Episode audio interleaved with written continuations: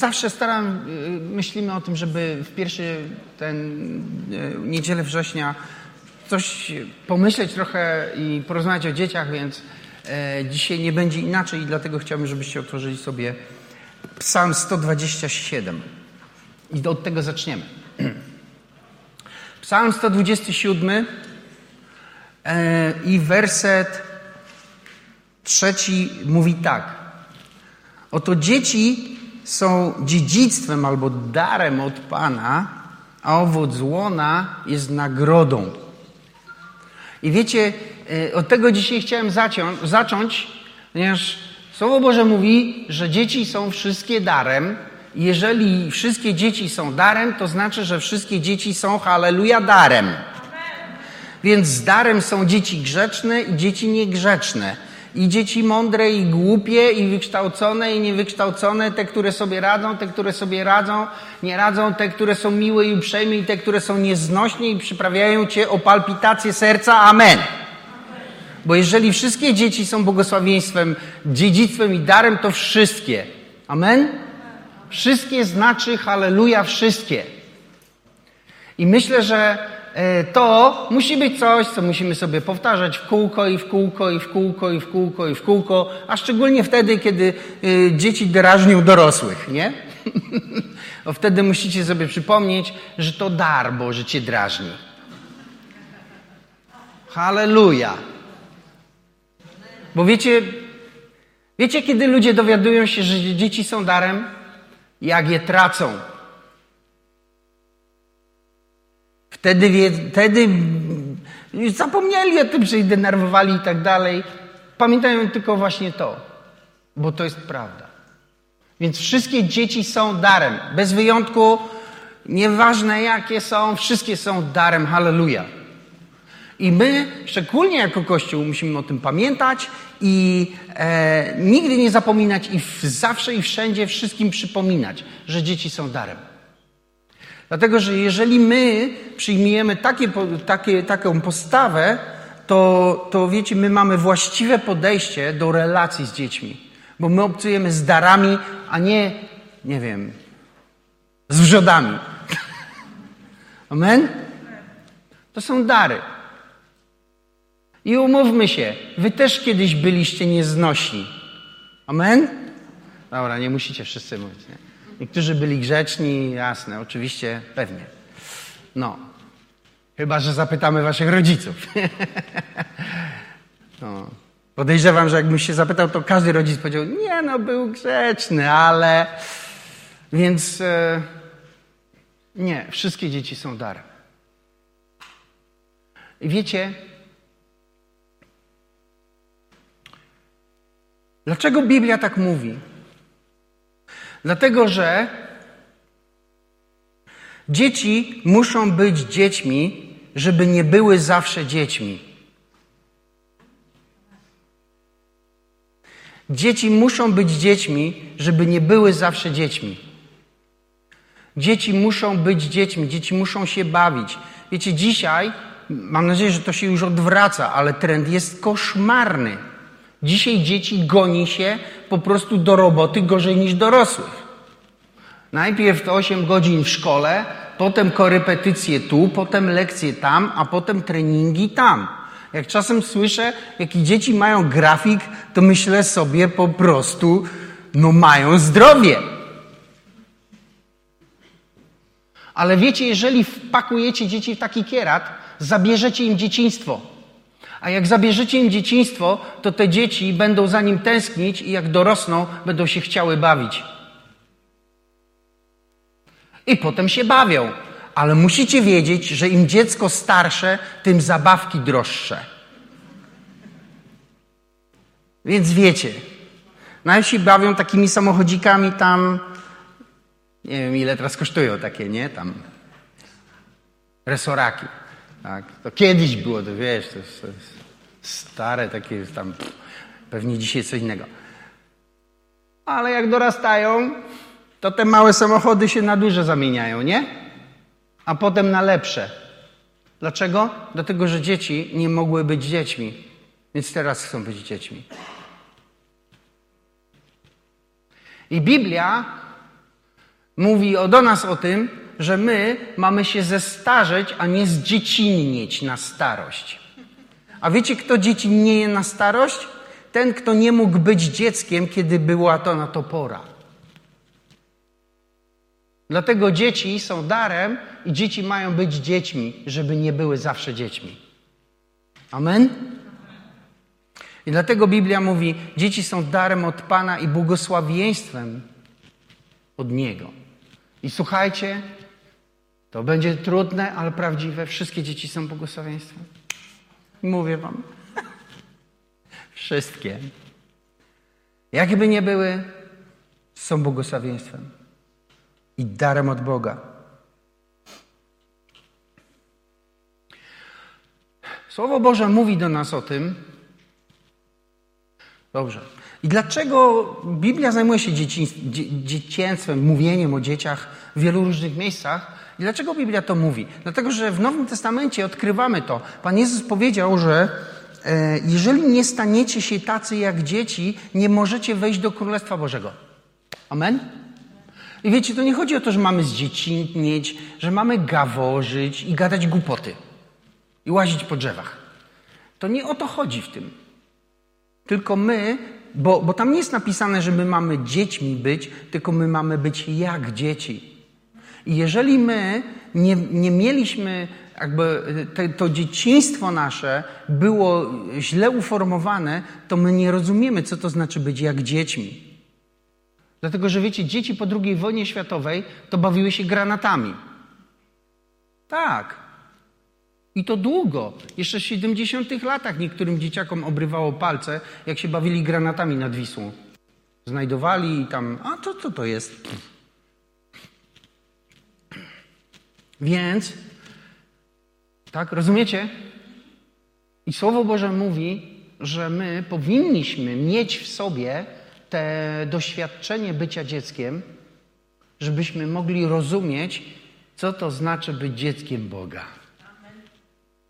Bo widzicie, czy masz lat 15, 20, 30, 40, 50, 60, 70, 80 czy 100, dla Pana Boga będziesz zawsze dzieckiem. Amen? Bo On jest starszy.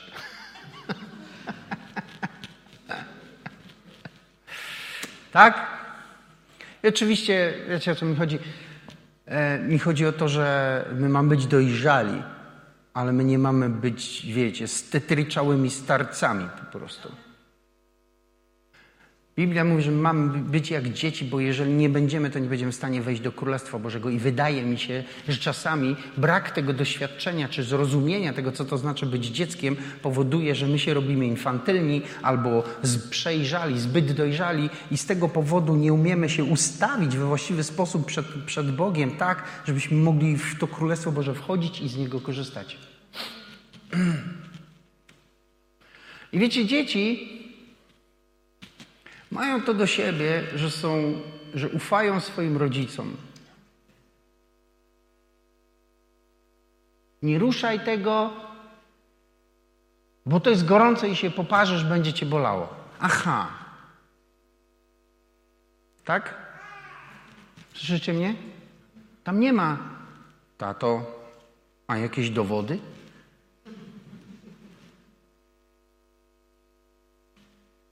Tak?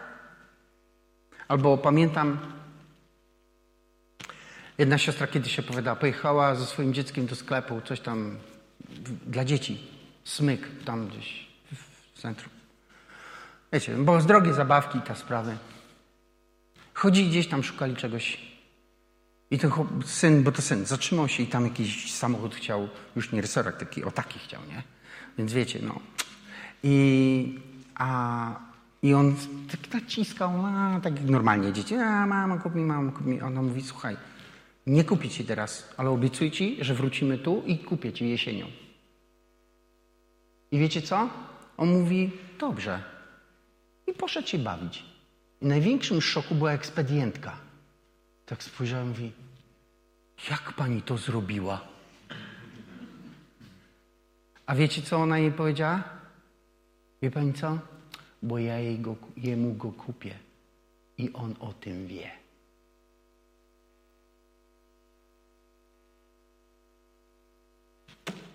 Widzicie, ponieważ brakuje nam tego dziecięcego zaufania do Boga, to kiedy On nam coś obiecuje, to my potrzebujemy 15 dowodów, potwierdzeń, wiecie, nie wiem, weksli, żeby uwierzyć, że to, co On powiedział, się wydarzy. Ale dziecko tak nie robi. Dziecko wierzy na słowo.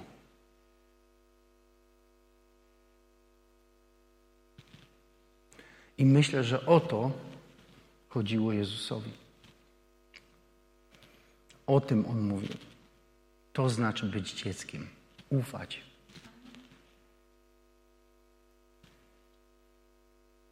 Wiecie, dorastamy i to zaufanie z nim jest coraz trudniej, bo jest coraz więcej ludzi, którzy te zaufanie zawodzą. I chyba nie ma takiego człowieka, który by nie był chociaż raz doświadczony tym, że ktoś po prostu zawiódł dramatycznie jego zaufanie. Bo wszyscy tego doświadczyliśmy w takim czy innym stopniu. Ale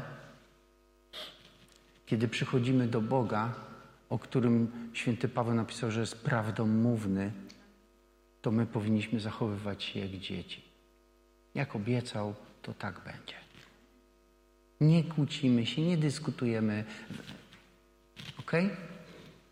I myślę sobie, że właśnie to jest coś, co czasami wymaga odnowienia.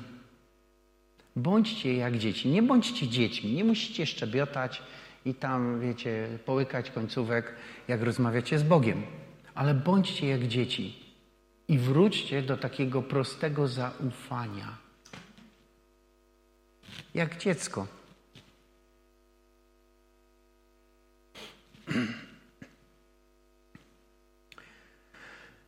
Więc dzieci są darem. I my powinniśmy być jak dzieci przed Bogiem. Jak dzieci się cieszyć, przedpłakać przed Nim, jeśli trzeba, rozmawiać z Nim, ale przede wszystkim, myślę, ufać Mu i wierzyć temu, co On mówi. Bo jeżeli to przeskoczy i zaczniecie wierzyć Bogu na słowo, to Biblia mówi, że nie ma większej wiary. Bo Pan powiedział to do setnika. Setnik powiedział: Panie, e, nie musisz iść do mojego domu. Moje dziecko jest chore, a ty nie musisz iść tam. Wystarczy, że ty coś powiesz, to wystarczy mi. To mi wystarczy. I Jezus powiedział do niego: Ja nigdy nie widziałem tak wielkiej wiary w Izraelu. Dlaczego? Bo Żydzi, tak, e, Grecy, e, jak to było, że Grecy poszukują mądrości, a Żydzi znaków, nie? I Żydzi cały czas potrzebowali jakiegoś znaku. Jaki znak uczynisz, mówili Jezusowi, żeby potwierdzić to, że ty, co ty mówisz, to tak jest. A Jezus cały czas co do nich mówił? Wy nie znacie Ojca i nie ma sensu robienie znaków, bo jakiego bym nie zrobił, to i tak nie uwierzycie. To będzie zabawa dla was, to będzie przedstawienie dla was, ale to nie będzie dowód. Dlatego, że to, co sprawia, że my wierzymy, to jest to, że my decydujemy się zaufać komuś i uznać, że jest prawdomówny, a nie to, że widzimy jakieś znaki. Dlatego Pan Jezus powiedział, że jedynym znakiem, jaki dostaniecie, to będzie znakiem nasze. To będzie ten znak, że Jezus umarł, został złożony do grobu, a trzeciego dnia go w grobie nie było. I my, patrząc na pusty grób, powinniśmy mówić, nam wystarczy. Ten znak jest, nie zmienił się, Jezusa nigdzie nie znaleźli, jest zmartwychwstały i to, co mówi, to jest prawda. I wystarczy mi. Macie Abrahama. Popatrzcie. Bóg nawiedził Abrahama i powiedział mu tak: Będziesz miał syna. Abraham tak się rozejrzał. Ja, ani ja nie mogę mieć dzieci, ani moja żona nie może mieć dzieci. No więc nie wiem, jak ty sobie to Boże wyobrażasz. Ale Bóg do niego powiedział: Będziesz miał syna. O, popatrz tam na te gwiazdy. Będziesz miał tyle dzieci, co gwiazdy. I wiecie, co mówi Słowo Boże? Że Abraham uwierzył mu. I uwierzył mu na słowo i zobaczył to, co Bóg mu obiecał.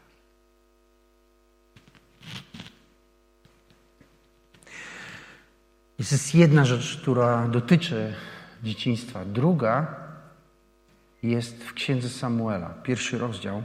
Chciałem, żebyśmy otworzyli sobie pierwszy, przepraszam, pierwsza księga Samuela, ale rozdział trzeci. Pierwszej księdze Samuela, rozdział trzeci, jest e, napisane. Otwieramy.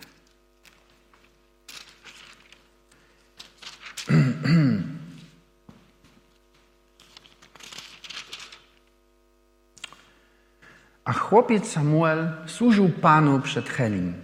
W tych dniach słowo Pana było e, drogocenne i nie było jawnego widzenia. I pewnego dnia, gdy Heli leżał na swoim miejscu, jego oczy już zaczęły słabnąć i nie mógł widzieć, a lampa Boża jeszcze nie zgasła w świątyni Pana, gdzie była arka Boga, Samuel też się położył. I Pan zawołał do Samuela, a on odpowiedział: Oto jestem.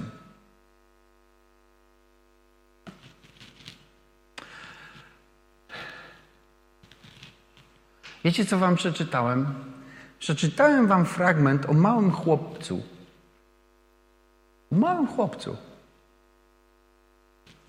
który był na służbie u Cholego, jednego z e, kapłanów Boga i leżał gdzieś w kącie w nocy. I ten mały chłopak, tam w kącie leżąc, niektórzy mówią, że miał około 4 lata. I kiedy to jest opisywane? Usłyszał Boży głos. Boży głos wołał Samuelu, Samuelu. I Samuel usłyszał go i przybiegł do Helego, bo myślał, że to Heli go woła. Jak się stało trzy razy. I potem Heli mi powiedział, ty nie biegaj teraz do mnie, tylko jak usłyszysz Samuelu, Samuelu, to powiedz, słuchaj, słuch, e, e, mów Panie, bo sługa Twój słucha. I wiecie co? Ten mały chłopak, który będąc dzieckiem usłyszał Boży głos, zmienił historię Izraela.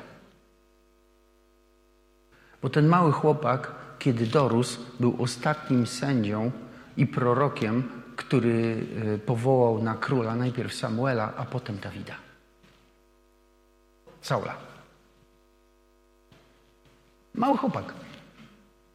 I chcę Wam powiedzieć, że ten chłopak nie miał łatwego dzieciństwa.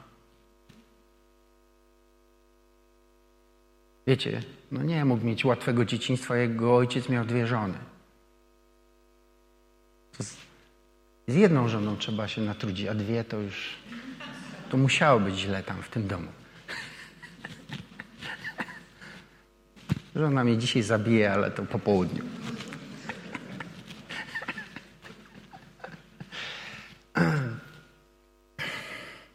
Jego matka nie mogła mieć dzieci ten jego ojciec e, e, faworyzował jego matkę kosztem tej drugiej, ta tą prześladowała. W tym domu był dym cały czas. On się w takim domu wychował. Więc wiecie, nie miał szczęśliwego dzieciństwa i po prostu, gdzie wszystko gładko i pięknie było, było ciężko tam. Patologiczna prawie rodzina, prawie, nie? I ten chłopak w tej rodzinie wyrósł, rozumiecie, na chłopaka, który po prostu był zdolny usłyszeć Boży głos i dorósł i nie dał się zepsuć swojemu dzieciństwu i wyrósł na proroka Bożego i zmienił Królestwo Izraela. Słyszycie mnie? Wiecie, dzisiaj współczesna psychologia po prostu, no, mnie to denerwuje. Bo co byście nie powiedzieli, przychodzić do psychologa, mam problem z tym, a to twój ojciec na pewno albo nie to matka, no, ale na pewno rodzice, tylko trzeba wybrać które. Ewentualnie obydwoje rodziców. Wszystko to wina rodziny, wszystko to wina, wszystko to w dzieciństwie. To jest po prostu jakaś obsesja. To się musi skończyć, bo to jest głupie i nieprawda. Przykro mi, nie wiem, czy dobrze mówię, ale. Zdarza się to ciągle jeszcze. Ciągle jeszcze się zdarza. Ciągle jeszcze. I niektórzy są sformatowani tym. I ja to słyszę, jak rozmawiam z ludźmi, że wiecie, mają problemy i jedy, jedy, od razu schemat jest taki błyskawiczny, szybki, że rozmawiają, rozmawiają no tak, to trzeba pogrzebać w dzieciństwie, bo to na pewno się w dzieciństwie stało. Nie. Każdy z nas ma traumatyczne dzieciństwo za sobą, jak już w ogóle. Amen? Tak, każdy coś tam ma. Wiecie. Niektórzy mają traumę, bo im matka, ojciec umarli, a niektórzy mają traumę, bo tatuś samochodzika nie chciał kupić. Są różne traumy w życiu. Ale wiecie, to my wybieramy, co my z nimi będziemy robić i to my wybieramy, czy my będziemy te, e, będziemy dorastać, czy my będziemy dziećmi, wiecie, poturbowanymi przez los i będziemy ofiarami tego losu. To my wybieramy. Dlatego, wiecie, dzieci muszą być dziećmi, żeby nie były dziećmi do końca. I dlatego Samuel był w trudnej rodzinie wyrósł, ale on nie chciał się dać sformatować i nie chciał się poddać tym zewnętrznym okolicznościom. On chciał e, czegoś więcej w swoim życiu. On chciał być tym, kim Bóg go chciał mieć i powołać, i dlatego zmienił Izraela. Jedno małe dziecko dobrze wychowany. Wiecie, jego mama wiedziała, że on jest powołany. To możemy przeczytać wcześniej, tylko wiecie, to byłby bardzo długa lekcja, gdybyśmy czytali całe te trzy rozdziały. Jego mama wiedziała o tym, że jest powołany, i jego mama wiedziała, że. Dobra, powiem to. Wiecie, dlaczego czasami nie macie tego, o co Boga prosicie? Dlatego to, co chcielibyście od Niego dostać, Bóg chciałby, żeby służyło Jemu, a Wy chcielibyście, żeby to było Wasze. I dlatego ciągle tego jeszcze nie ma. Biblia mówi, że Bóg uczynił Annę bezpłodną. Ona była bezpłodna. Co długi czas. Dlaczego? Bo ona chciała, żeby to dziecko było jej. A Bóg chciał, żeby ono służyło Jemu. I kiedy Anna w końcu zrozumiała, o co chodzi, i któregoś dnia modląc się, powiedziała: Dobra Boże. Rozpłakała się, pamiętacie? Płakała tam. Dlaczego ona tam płakała? Tyle lat chodziła tam. Dlaczego płakała akurat wtedy?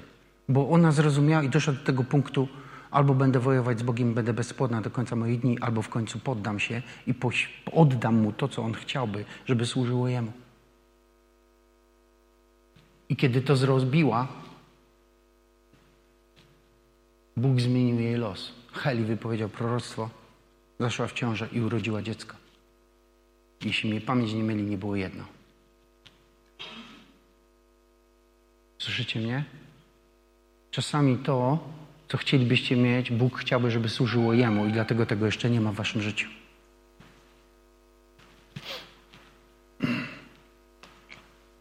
I ten chłopiec zmienił Izraela. Tylko z jednego powodu bo usłyszał Boży głos. Dlatego myślę, że wychowanie dzieci jest ważne. Myślę, że wszyscy nauczyciele są ważni. I w szkołach są ważni, i tu w kościele są ważni. Myślę, że powinniśmy modlić się o nauczycieli i ich wspierać, bo są w bardzo trudnym położeniu. Jeżeli dalej tak będą traktowani jak do tej pory, to będziemy mieć coraz gorszą edukację i winą za to nie wolno będzie obarczyć nauczycieli, tylko po prostu e, ten system, który w ogóle nie chce ich słuchać. Co jest dziwne dla mnie i chore.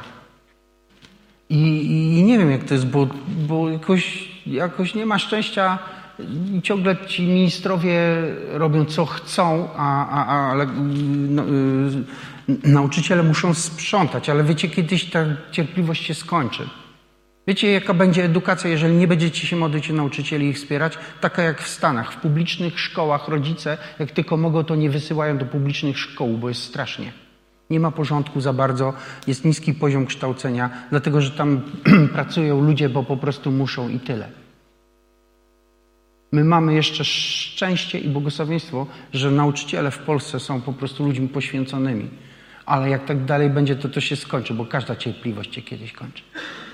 I dlatego uważam, że my powinniśmy bardzo poważnie podejść i wspierać nauczycieli. I wiecie, na tym poziomie, na którym każdy z nas może, to wystarczy, myślę, bo jakby to tak się na szerszą salę rozszerzyło, to może wreszcie się ktoś opamięta. Bo jak nie, rozumiecie, eduka- jeżeli zniszczymy sobie edukację, to będziemy mieć przyszłość, nasza będzie, nie będzie w różowych barwach. Ale nie wchodzę w to, bo. I uważam, że, e, że powinniśmy modlić się o to. Ja się modlę o to, bo to jest ważne. Ja wiem, że wszyscy nauczyciele nic nie umieją i tak dalej. Tak, ja wiem to. No. Tylko wiem też, że najbardziej cenię sobie tych nauczycieli, których najbardziej nie lubiłem. Zgadnijcie czemu. Bo coś wymagali, nie? Coś chcieli.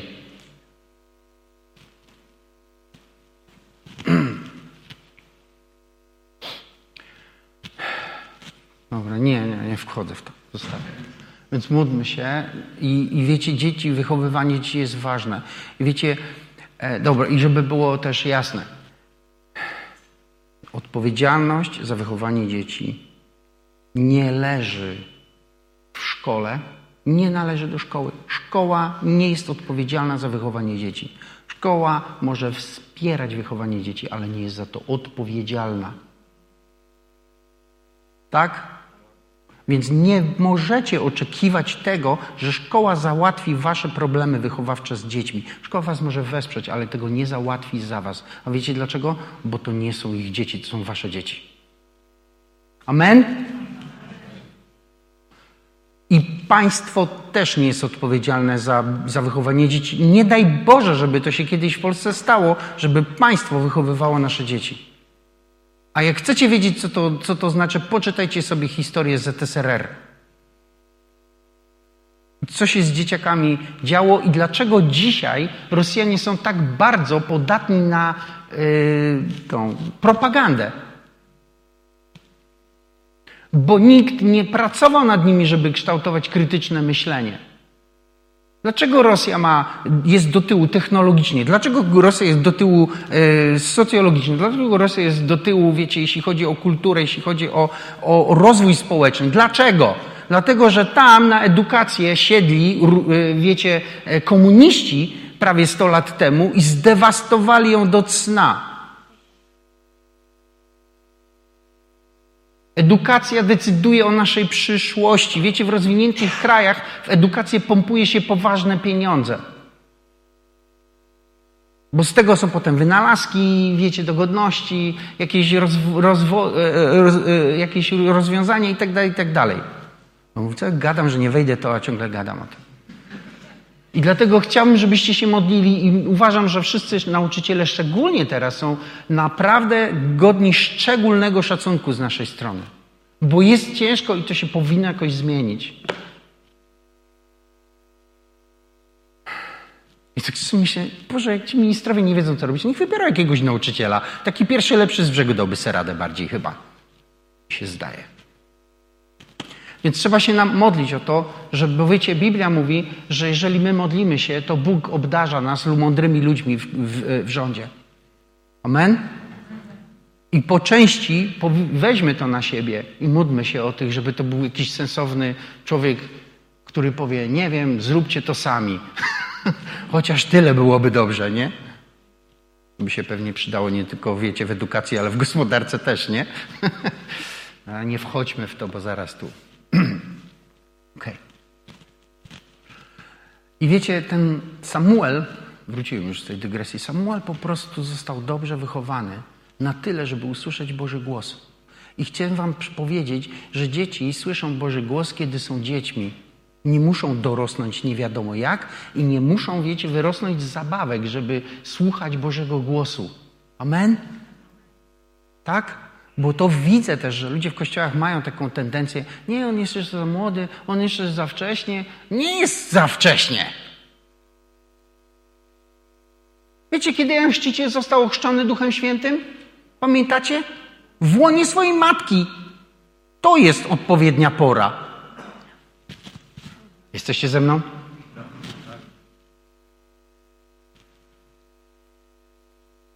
Dzieci nie muszą mieć, wiecie, nie wiadomo ile lat i, i nie muszą rozumieć Boga tak jak wy. One wystarczy, że będą go rozumieć na swoim poziomie. To wystarczy. Chłopak miał 4 lata, usłyszał Boży głos i Pan przemówił do niego i to zmieniło historię Izraela. 4 lata. O, tyle mniej więcej, nie? Dobrze mówię? A teraz może tam trochę więcej.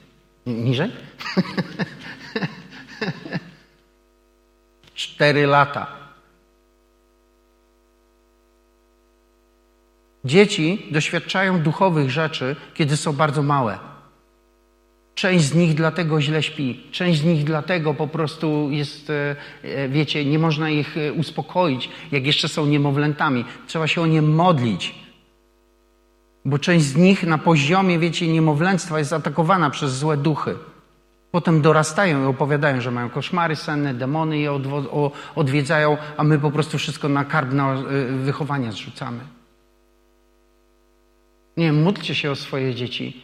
Im mniejsze, tym bardziej, bo one w tym czasie uczą się słuchać Bożego głosu. I kto wie, może twój czterolatek zmieni Polskę. A czemu nie? Czemu nie?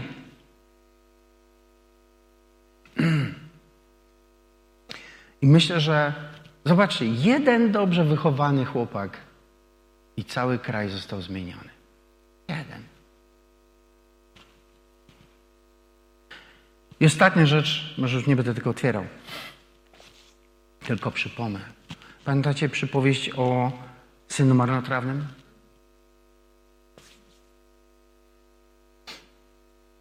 Kiedyś kupiłem sobie płytę Rona Kenoli.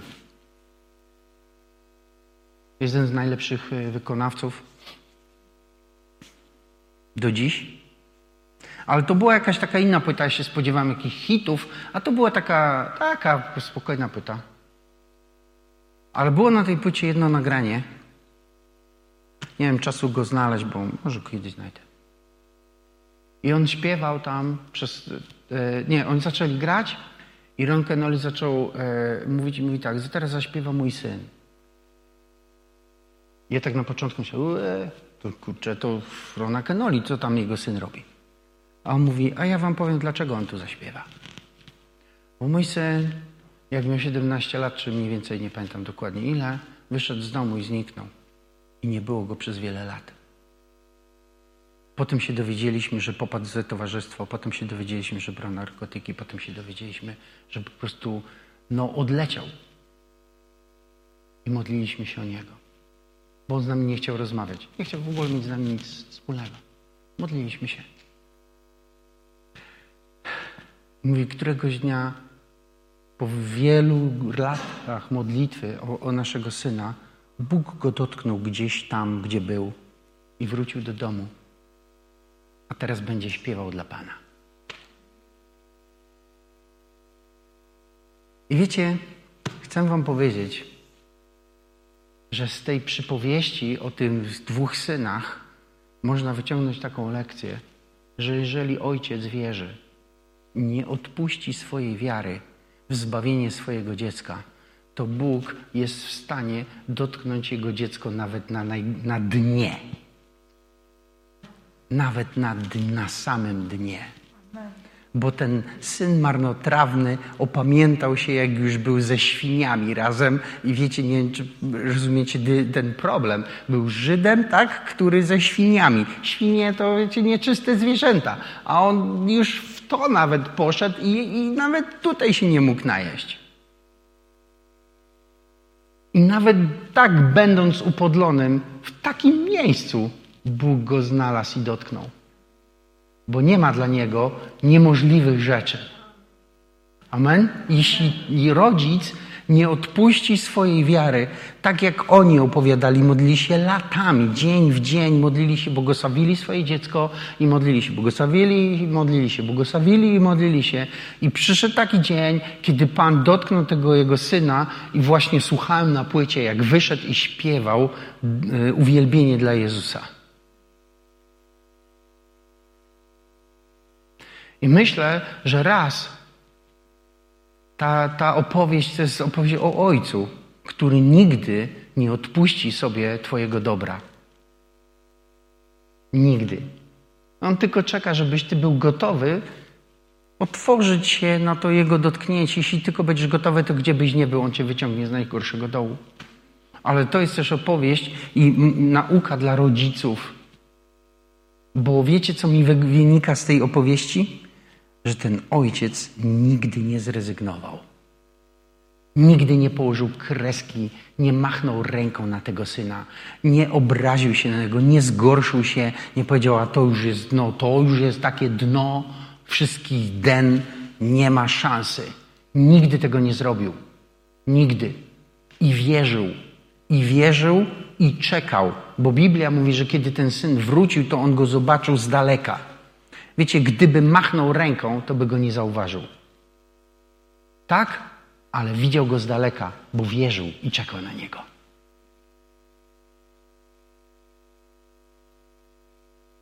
I wiecie, myślę sobie, że dzieci, które przechodzą przez coś takiego, są inne. Już coś wiedzą o Bogu. I, I, wiecie co? Myślę, że to pokazuje też, jaki wielki wpływ na dzieci mają rodzice i zawsze mieć będą.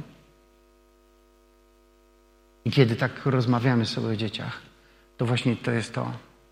Wiecie, Biblia mówi, że dzieci są błogosławieństwem, są darem, są dziedzictwem, tak? Więc chciałem powiedzieć, że wasze dzieci są dziedzictwem i darem, i błogosławieństwem, ale wy też. Bo wy też jesteście czyimiś dziećmi. Amen? I jesteście Bożymi dziećmi. Amen? I Bóg też was traktuje jak dar. Bóg nie kręci nosem. Ty? No to przyjdź później, bo muszę sobie nastrój poprawić. Nie. On tego nie robi. Wy też jesteście dziećmi i my wszyscy e, jesteśmy przez Boga traktowani jak dzieci i Bóg nas lubi. Amen? Ciebie, mnie, jeszcze przed ukamienowaniem. e... Wszystkich. Wiecie, Bóg powiedział kiedy, przez świętego Pawła w liście do Koryntian e, odłącz się od tych wszystkich różnych złych rzeczy i przyjdź do mnie, a ja Cię przyjmę. Wiecie, prawdziwe rodzicielstwo nie polega tylko na tym, że się dzieci ma, ale się dzieci przyjmuje. Może mi się nie podobało to, może mi się nie podoba tamto, ale jesteś mój. Przyjmuję cię. I Bóg tak robi z wszystkimi ludźmi. Kiedy, jeżeli przyjdziesz do Niego, On cię przyjmie. Przyjmie cię takim, jakim jesteś. Takim, jakim jesteś. Na pewno będzie chciał co nieco poprawić, to ostrzegam z góry, ale nie stawia warunków i kocha Cię i przyjmie Cię takim, jakim jesteś tutaj teraz. Bo wiecie, jest prawdomówny i przyjmie Cię. Wiecie, kiedy się narodziłem na nowo, to wydawało mi się, że ja po prostu przeżyłem tak głęboką przemianę, że prawie święty jestem. I myślałem sobie, no to super, po prostu jest ekstra, e, więc jakby to jest zrozumiałe, że Bóg mnie kocha, no bo przecież powinien, nie? I kiedyś pamiętam, natknąłem się na taki fragment, kiedy czytałem, że e, ta, ta kobieta e, e, nierządna przyszła do Jezusa i obmyła nogi i włosami wycierała i, i Pan Jezus powiedział, że wiele jej odpuszczono, bo bardzo kochała. I wiecie co, ja tak pomyślałem sobie wtedy, wiesz co Boże, jakoś nie umiem Cię tak bardzo kochać. Jak, nie, nie widzę tej takiej we mnie głębokiej miłości. I wtedy Pan mi powiedział tak, bo jeszcze Ci wiele nie odpuszczono. I ja zobaczyłem, że jeszcze nie rozumiem, co Bóg mi odpuścił, jeśli muszę tego dowiedzieć. No i się zacząłem dowiadywać. Jak się dowiedziałem czegoś o sobie, co Bóg mi powiedział i to, i to, i to, i to, i to, i to, to teraz go kocham bardziej, bo wiem, jakim byłem. Nie jak mi się wydawało. Ale wiecie co w tym wszystkim? Ja czasami dochodziłem do takiego miejsca, w którym myślałem sobie, Boże, nie rozumiem, dlaczego ty się mną jeszcze zajmujesz. Nie powinieneś zostawić, nie wiem, wyrzucić, wymienić mnie na jakiś lepszy model, bo to po prostu. Ale on nigdy tego nie chciał zrobić. Nigdy. Bo on, jak obiecuje, to nie cofa swojego słowa. I on powiedział: Zostawcie te rzeczy i przyjdźcie do mnie, a ja was przyjmę. I ja to zrobiłem i on mnie przyjął. I nie zamierzam je zostawić, odrzucić, usunąć i zmienić zdania. I nie jestem lepszy od Was. Nie jestem lepszy od Was. Wy macie ten sam status przed Nim, o ile chcecie tylko z tego skorzystać. I do tego chciałbym Was namówić, powstanie. Żebyśmy dzisiaj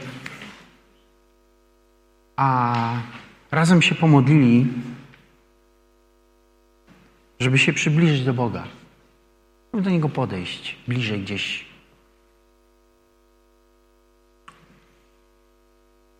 Bo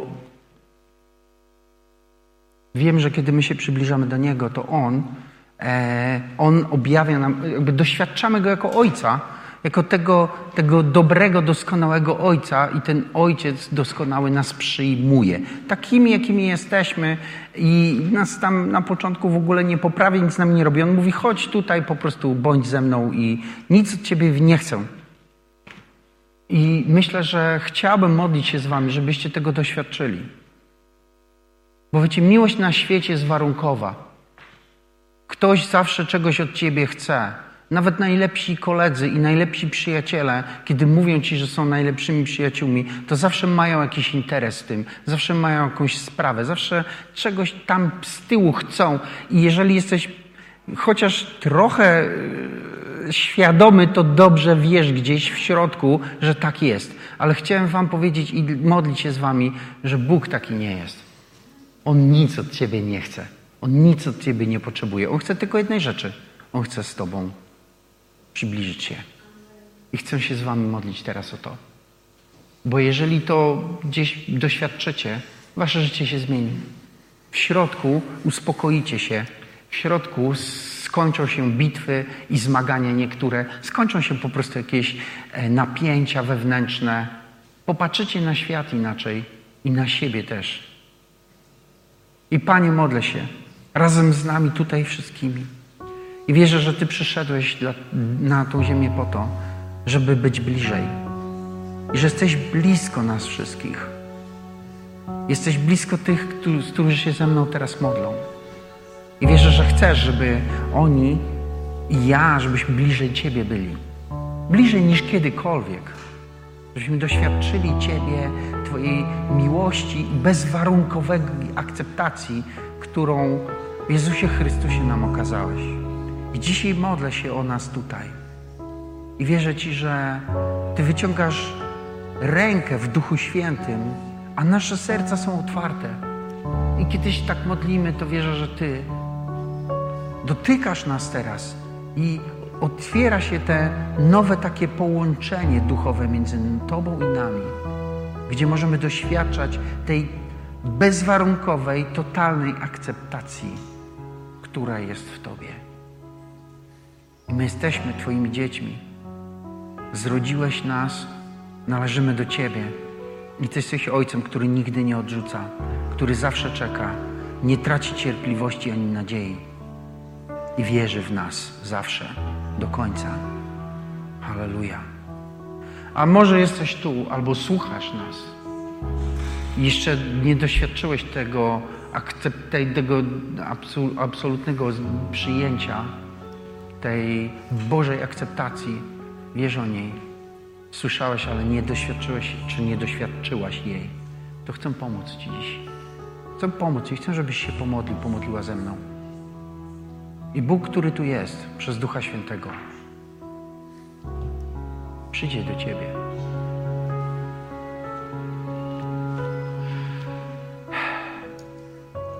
Moi rodzice zmarli, jak byłem dzieckiem, miałem 7-9 lat. Żyłem całe moje życie w odrzuceniu. Ja wiem, co to znaczy żyć z daleka, żyć obok. Żyć w jakiejś samotności, izolacji. Wiem, co to znaczy. I wiem też, że tego dnia, kiedy postanowiłem, że zrobię ten krok w stronę Jezusa, Jezus mnie przyjął i mnie zmienił. I już nie jestem sam. Nie jestem porzucony, nie jestem zostawiony. Miałem z tym problem, wielki, wielki problem z porzuceniem. Byłem zły na moich rodziców, że mnie zostawili. Jakby to. Ale co to zmienia? To w środku się dzieje, nie? Ale wiecie, kiedy On mnie przyjął, ja się poczułem przygarnięty. I to mnie uzdrowiło. Uzdrowiło moją duszę. I jestem dzisiaj inny. Trochę to trwało, wiem. Ale chcę powiedzieć Ci, że jeśli jesteś tu dzisiaj pierwszy raz, albo słuchasz nas, albo jeszcze nie podjąłeś tej decyzji, to Bóg Tobą też to może zrobić. I Ty możesz być inny, inna. Trzeba zrobić tylko krok do Niego. A ja chcę Ci pomóc w tym. Chcę z tobą, zrobić go razem z Tobą. Taki mały krok wiary, ale wielki w konsekwencjach. Chcę, żebyś razem ze mną pomodlił się, czy pomodliła. Żebyś wysunął się do Niego, żeby On mógł Cię przygarnąć. I proponuję Ci wspólną modlitwę do Pana, do Jezusa. Pomódlmy się razem. Panie Jezu, wierzę, że Ty umarłeś za moje grzechy i za całe moje życie. I oddałeś swoje życie za mnie. A ja teraz robię ten krok do Ciebie. Przychodzę taki, jaki jestem i powierzam Ci moje życie w Twoje ręce. Weź je i napraw. A teraz, kiedy taki jestem w modlitwie, zapraszam Cię, wejdź do mojego serca. Zamieszkaj na zawsze, bo chcę i decyduję się, że Ty jesteś moim Zbawicielem. Ty jesteś moją odpowiedzią, Panie Jezu. Wybieram Cię dzisiaj i będę z Tobą żyć i Ciebie naśladować. Amen. Jeśli się modliłeś dzisiaj pierwszy raz, Bóg Cię zmienił od środka. Coś w Tobie się stało, przeskoczyło i Bóg mieszka w Twoim wnętrzu i będzie Cię zmieniać od środka. I doświadczysz tego przyjęcia i akceptacji, bo On je ma dla każdego, bo Bóg jest bogaty w swoje miłosierdzie dla wszystkich, którzy do Niego przychodzą. Amen. Vil gerne.